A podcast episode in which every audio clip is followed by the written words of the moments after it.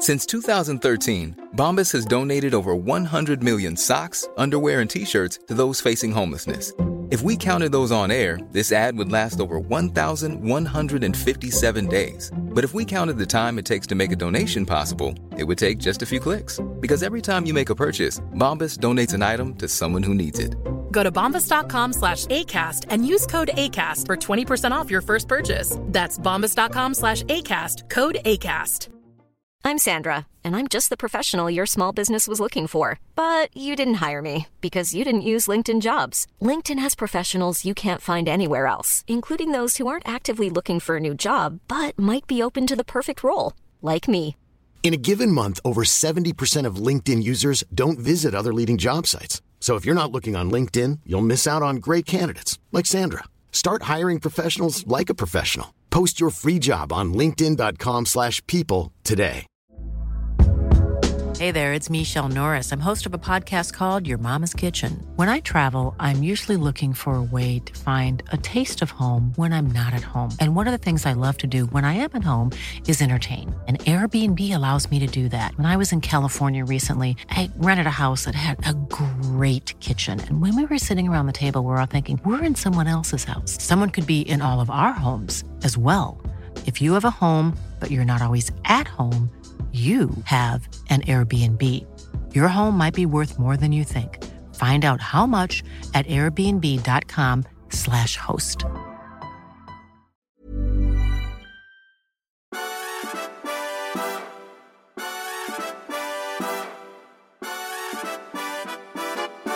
God morgon. Hej. Hur är läget? Eh, tackar som frågar. Eh, nej, men det är bra. Mm. Eh, ja, det är bra väder. Då tycker, Ja. jag att det är, då tycker jag att det är bra. Idag känns det som det är lite varmt till och med. Ja. Vi har tagit ut alla. Nu är även apelsinträden ute. Eller citrusträden ute. ja, det var bra gjort. Ja, Det är du som har gjort. ja det, är min, det är min lott här i världen. Trädgårdsmästaren. Trädgårdsmästaren. Just det. Men nu ska vi inte sitta och prata om sånt.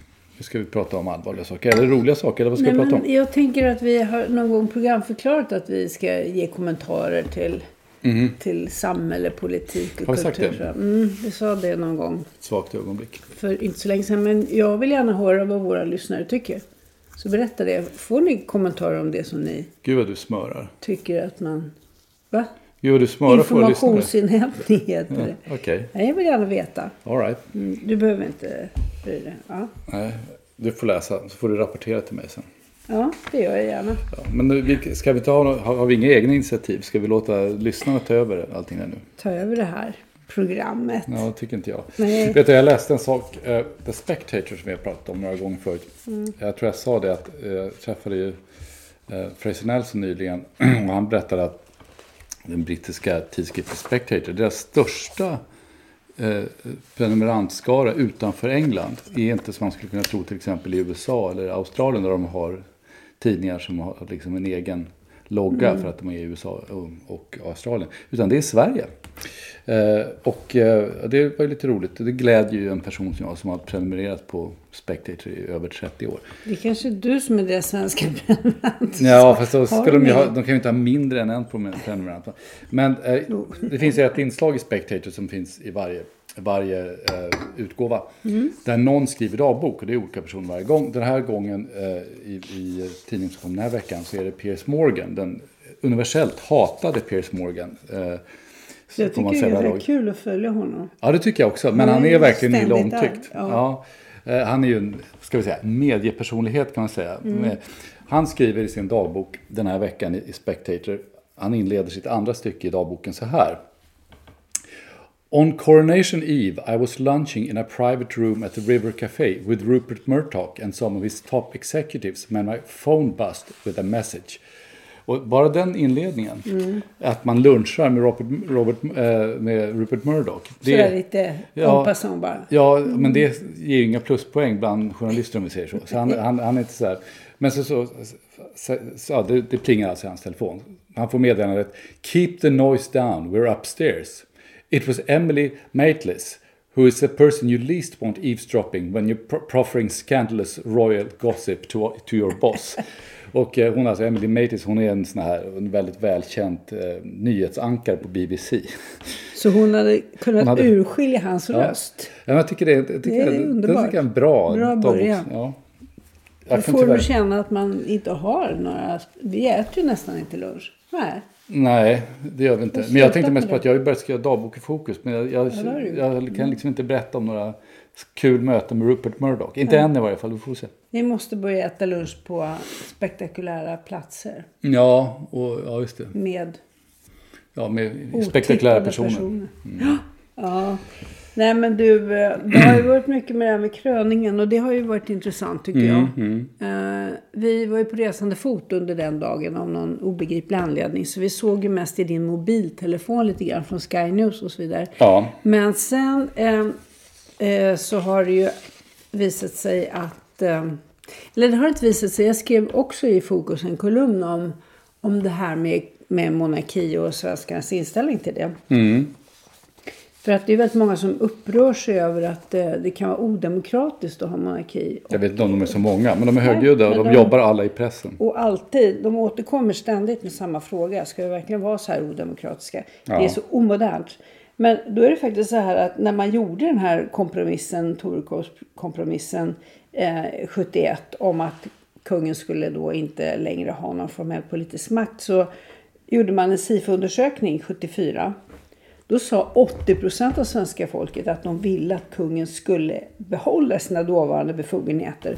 Och 12 procent ville, ville förstärka dem. Ja. Det var bara 7 procent som ville minska dem. Men då var ingen orolig för demokratin överhuvudtaget. Eh, det tyckte man inte var jobbigt att gå emot folk igen där. Men man kan väl argumentera för att man, om man antidemokratiska beslut som fattas demokratiskt är, inte- är inte bra. Så kan man väl tycka. Mm.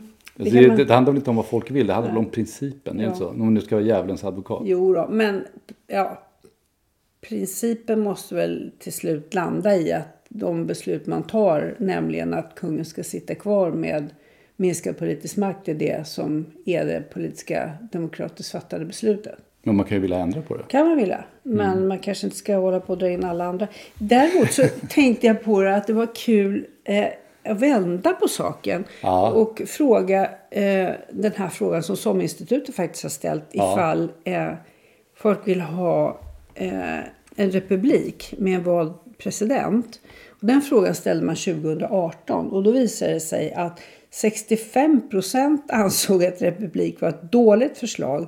Och bara 16 procent tyckte att det var ett bra förslag med president och republik. Mm. Och det, det tycker jag också är intressant. För att det verkar liksom...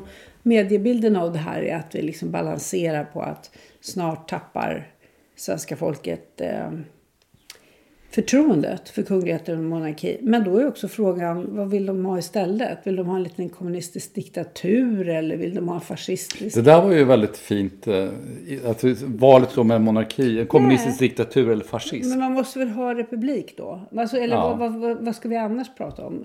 Vilka alternativ ska folk eh, föreställa sig? att Vi kan ansluta oss till, eh, till, till eh, the Commonwealth. Kan, kan kung Charles den tredje bli statsöverhuvud även i Sverige? Ja, men det blir ju ingen lösning. Nej, kanske Nej.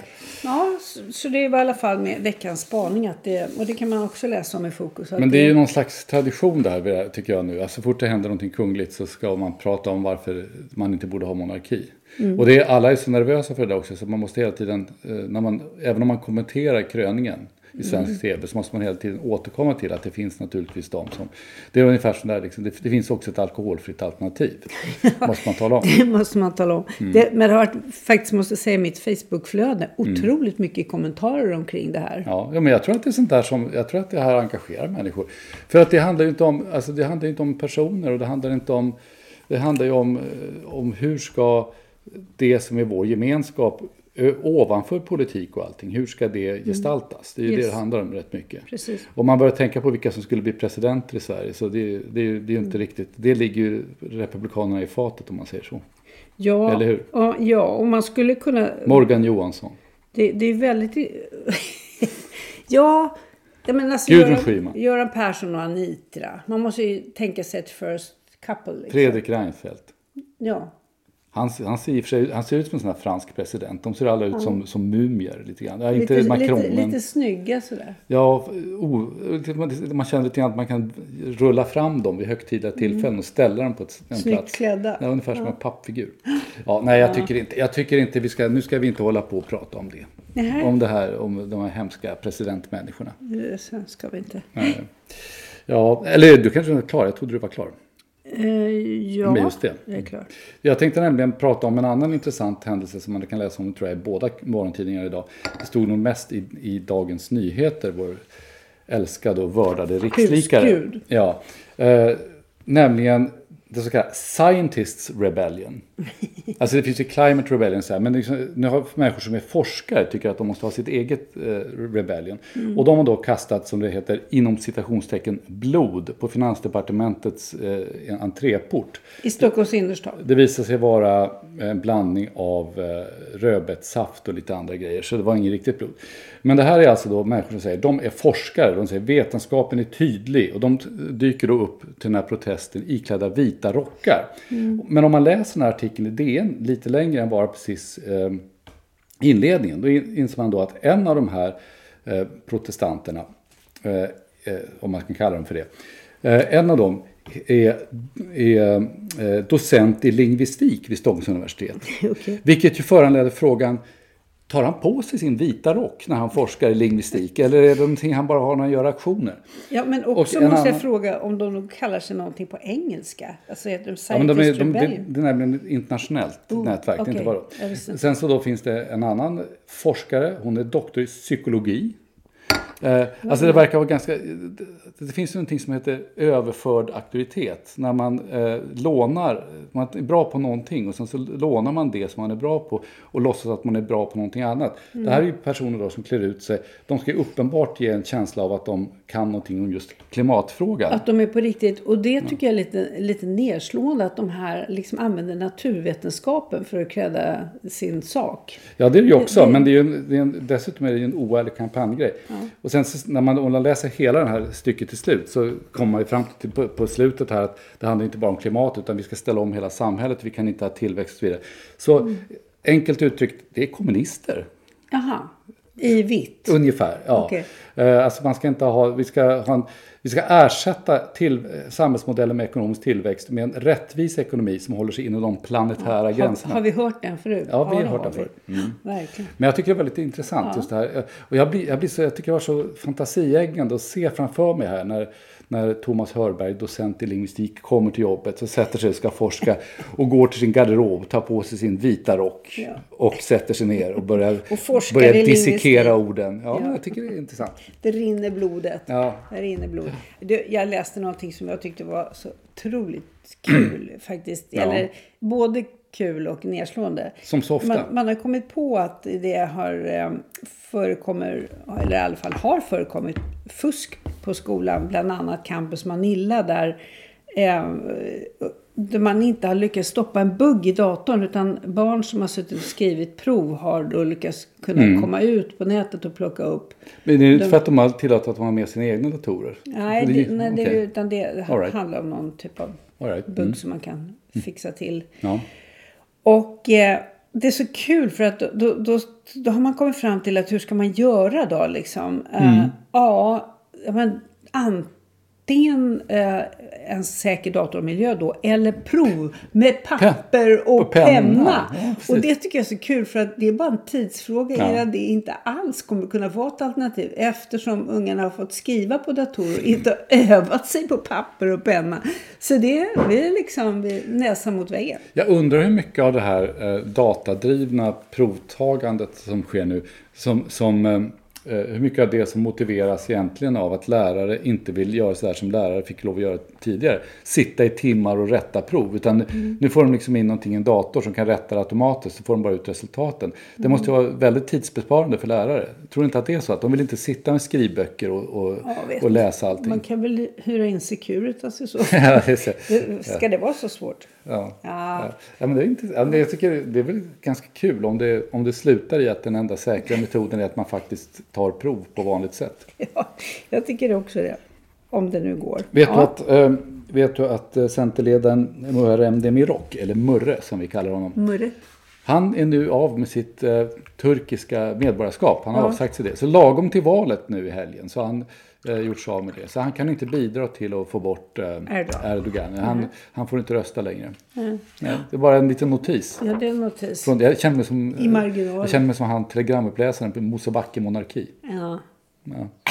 Ser jag. Ja, det är ingen som, det är ingen som förstår den referensen längre. Folk är så unga. Mosebacke monarki. Alla, alla är väldigt unga. Du, det, eh, den här väldigt roliga eh, skribenten och kritikern Fredrik Sjöberg som Ja. också skriver i Fokus. Ja, det är vi så glada för. Ja, det, för, det är jag med. Eh, han har uttalat sig om något experiment. Det är nämligen så att det finns ju en serie, ett, förlag som heter Novelix. De ger ut små, små texter i små, ja, fina små... Noveller. Ja, noveller. Och de ger ut dem i, i såna här små fint förpackade små Böcker. Ja, häften Ja. får man nästan säga. Och då är det så här att de kom på att de bara helt enkelt måste be ChatGPT eh, att skriva fyra noveller som bygger då på fyra riktiga skönlitterära noveller. Dr. Glas, Kallocaia, Kejsaren Portugalien och Röda rummet. Men då, då känner en obetvinglig lust att låta eh, ChatGPT gå loss på det här. Right. Och då talar han ju om Fredrik Fredrik. Sjöberg att texten är platt som en oblat, fullkomligt humorlös och försöken till gestaltning är på mellanstadienivå. och det, det, han är koncis. Ja, man, man tror att man förstår vad han menar. Men Mm. min fråga är egentligen varför känner man att man måste låta AI kastas över Ja. klassen? Varför? Ett förlag. Jag, jag fattar. Här, det här beats mig. Om någon Ja. fattar så berätta gärna. Jag fattar inte. Ja, alltså det enda riktiga skälet jag kan komma på. Det, alltså jag förstår att man kan göra sånt där för att det är på sitt, på sitt rum. Eh, För att man är intresserad av Kolla hur hur det resultatet funkar, blir. Eh, Men jag undrar, är, kommer det vara en försäljningsframgång? Tveksamt. Mm. Det är någon slags, eh, men det är någon slags själv... Skadebeteende. Ja, det är precis självskadebeteende. Det är precis vad det är. Alltså, jag vet inte. Jag börjar bli väldigt trött nu på den här senaste veckan. Jag tror jag har läst eh, åtminstone ett dussin artiklar. Alla journalister håller nu på med och har interaktion med ChatGPT eller vad det heter. Och, eh, och så ska de skriva om sina upplevelser. Ja. Och jag tycker att, ja, det där var en av få, att de var smarta nog att sätta Fredrik Sjöberg på att kommentera det, var ju väldigt bra. För att det var ju liksom en av de få, en av de få eh, kommentarerna som faktiskt var intressant. Han sa, hade ju bland annat den utomordentliga formuleringen också att om den här författaren skulle den här AI-författaren skulle avstava, skulle den antagligen avstava analfabet som analfabet. Antagligen. Men, men sen var det ett radioprogram vars Ja. namn nu undflyr mig, men jag hörde i veckan. Det tycker jag också är en väldigt intressant diskussion om eh, AI. Att man tenderar att eh, låta de här eh, funktionerna använda jag. Alltså uttrycket Ja, just det. jag tycker. Och, jag, Ja, ja. och då var det någon eh, programledare som påpekade hur förledande det är. För att Ja. vi blir alltid lite ställda. Vi, vi tycker att om det är någon som är ett jag så måste man vara respektfull mot det. Och Mm. så berättade hon hur hon till och med när hon fick en, en sån här eh, robotdammsugare genast gav den ett namn. Mm. Och Jag tycker omedelbart att vi måste sluta med den där vanan att de här mm, datagenererade svaren ska liksom innehålla ordet jag. För det finns inget jag där. Det, det där är intressant för det finns ju någonting, det finns ju någonting självgenererat i de här idéerna. Jag tänkte på det, jag- alltså första gången jag såg någon åka på sån här monowheel, du vet en sån här, eh, man står bara på två plattor, sen är det bara ett hjul i mitten. Mm. Och, och jag visste ju att jag hade sett en sån förut. Och jag visste precis var jag hade sett den, nämligen i Kalle Anka. Uppfinnar-Jocke hade en sån. Ja. Och det kommer jag ihåg liksom. Eh, Och, och det är ju för mycket, en, f- f- det ju kan ju inte vara en slump. Jag tror att, att det är lite grann så här att om man först har en fantasi, man tänker sig någonting och sen så man bara får tekniska möjligheter att förverkliga den, då, då gestaltar man den som den fantasin. Det är ju någon som har läst Kalle Anka som har hittat på det här idiotiska monowheelet. Och det är ju samma sak med det här. Alltså om man tänker sig att, man vet inte, men man tänker sig att vi håller på att skapa ett medvetande. Då är det klart att man, att man låter det ha ett jag. Därför att, men då har man liksom redan, eh, eh, det blir ett så cirkelresonemang delvis. Va? Att, man, att man lägger saker i det som inte finns där, kanske. Men du, nu, det slår ju mig att hela din eh, fina kalanka samling för du har väl en hel del? Ja, jag håller på att samla på mig Carl Barks samlade utgivning. Ja, det tycker jag är underbart. Det, det skulle vi nämligen kunna ha lite som där högläsning på söndagskvällar. Alltså det är en framtidsmanifest om vi tänker på det så. Ja, fast det mesta där är realiserat. Det är redan Ja, gjort. ja. Ja, det var tråkigt. Igår Ja, läste du jag en- hör hur länge sedan det var jag läste Ja. Kalle. Joakim von Anka hade i och för sig en limousin som man kunde göra till flygplan. Och där är vi inte än, men vi är snart, snart. Snart. Mm. där. Jag noterade idag på familjesidan att Johan Kinde, gammal eh, frontfigur i Lustans Lakejer, fyller 60.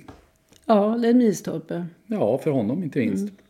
Jag, bara, jag hade inget särskilt att säga om det, förutom att jag tyckte att det var intressant. Det säger Mm. någonting om hur tiden går. Ja. Jag kommer ihåg när jag, jag fick eh, en Lustans Lakejers första LP-skiva. Mm. Eller var, det första? Jag tror det. Uppdrag i Genève. Den fick jag när jag firade jul uppe i Kramfors. Eh, eller snarare i Sel utanför Bollstabruk. ho- Hos min eh, mormor. Kommer jag ihåg. Och jag kommer fortfarande ihåg att det kändes som en väldig eh, kontrast med allt det här eleganta som jag var ute efter och intresserad av när det gällde Lustans Lakejer. Och att sitta utanför Bollstabruk. Det är så livet är lite va? Ja, lite grann är det så. Så. Livet, just det, det är ganska bra. Livet är som att lyssna på Lustans Lakejer i Bollstabruk. Ja, ditt liv i alla fall. Ja. Hörru, nu, nu måste jag bara säga, det här har jag missat lite grann. Men i maj, här första maj, så, så såg jag annons i Svenska Dagbladet. Helt, jag trodde, jag trodde, trodde att det var första april, men det var inte det. Finspångs församling Svenska kyrkan har nu gått in i ett samarbete med ett företag som heter Framgångsrik försäljning. Och det här är alltså en, en sån här typisk corporate bild på eh, en annons eller? Sju personer, ja. Ja. Eh, där kyrkoherden då är djupt engagerad. Ja. Och eh, han säger att Svenska kyrkan måste vara relevant för dagens och morgondagens människor. dagens säljare. Och det viktigaste resursen för att nå dit är våra medarbetare. Oh, Jesus. alltså, och så har de utbildat församlingens ledningsgrupp i ett modernt ledarskap. Med fokus på att coacha på beteende, bygga starka team och bli en högeffektiv ledningsgrupp. Det, jag, jag trodde att det här var. Kalanka. Det här är ju fantastiskt. Nu ska de ta nästa steg på utbildningsresan tillsammans med samtliga medarbetare. Så finns det en liten notis här om Svenska kyrkan har funnits i Sverige sedan 800-talet. Men det är Okej, fantastiskt. hörni. Det här är fantastiskt. Och, och att de också samarbetar med ett, ett, ett företag Tack. som heter Framgångsrik försäljning. Ja, Man förstår ju varför de behöver det i och för sig. De tappar ju medlemmar som men det kanske... There's a hole in my bucket. Jag vet inte, Bourdieu börjar liksom klinga i huvudet på Ja. här. Socialt där- kapital, kulturellt kapital. Det där går ju liksom inte att satir- satirisera. Det skulle vara aningen mindre förvånande om det hade varit någon, någon sån här framgångsteologisk frikyrkoförsamling. Ja, Men nu är det ju inte precis. det. Lite, det är ju lite livets ord på det här. Ja, Eller som det var förr kanske i alla ja fall. ännu mer amerikanskt nästan. En sån här baptistförsamling. Så här ser vi framtiden kanske. Ja. Framgångsrik Framgångsrik försäljning. Ja. Ja. Lycka får till, får man säga. lycka, precis, Lycka till. Ja. Ja, själva ska vi idag spela bowling. Vi ska spela bowling med en ukrainsk familj. Ja, Ja, och sen så ska vi äta middag med en ukrainsk familj. ja också göra. Ja, och det, om ni hörde någonting alldeles nyss så beror det på att, att vår goda vän Joakim som också ska vara med med sin eh, kille Jamie. Han försökte ringa oss eftersom han inte fattar att vi sitter här och spelar in. Hur kan det ha undgått Ja, honom? han får vänta. Jag tycker Ja. faktiskt han... First things first som vi säger i, i, på Österlen. Nu har vi inte sagt någonting om Svenska Akademins nya ledamöter, men vi säger lycka till till dem också. Ja, alltså en, det enda som jag läste om det som jag tyckte var ganska kul ändå. Eh, det var ju det som skrevs i, i, eh, eh i på Expressens kultur. Där eh, en, en eh, känd skribent, nämligen Anna Hellgren, skriver att Svenska Akademin är snart DN Kultur. Och noterar det lustiga i att förra akademiuppsättningen den föll på ett en stort granskande och bra reportage i, i DN Kultur. Och nu när de fyller akademin så fyller de bara med folk som skriver på DN Kultur. Så jag vet inte om det är en försäkring eller om det är någonting annat. Men det är en intressant observation tycker jag. Ja. Ja. Vi, vi får säga så. Ska vi, du, jag märker att du kan inte riktigt sitta still nu. Vill du röra på dig? Ja, precis. Jag tycker Ja. det är så fint väder. Okej, då gör vi så. Tack för för idag. idag. Slut för idag, som de sa i plugget.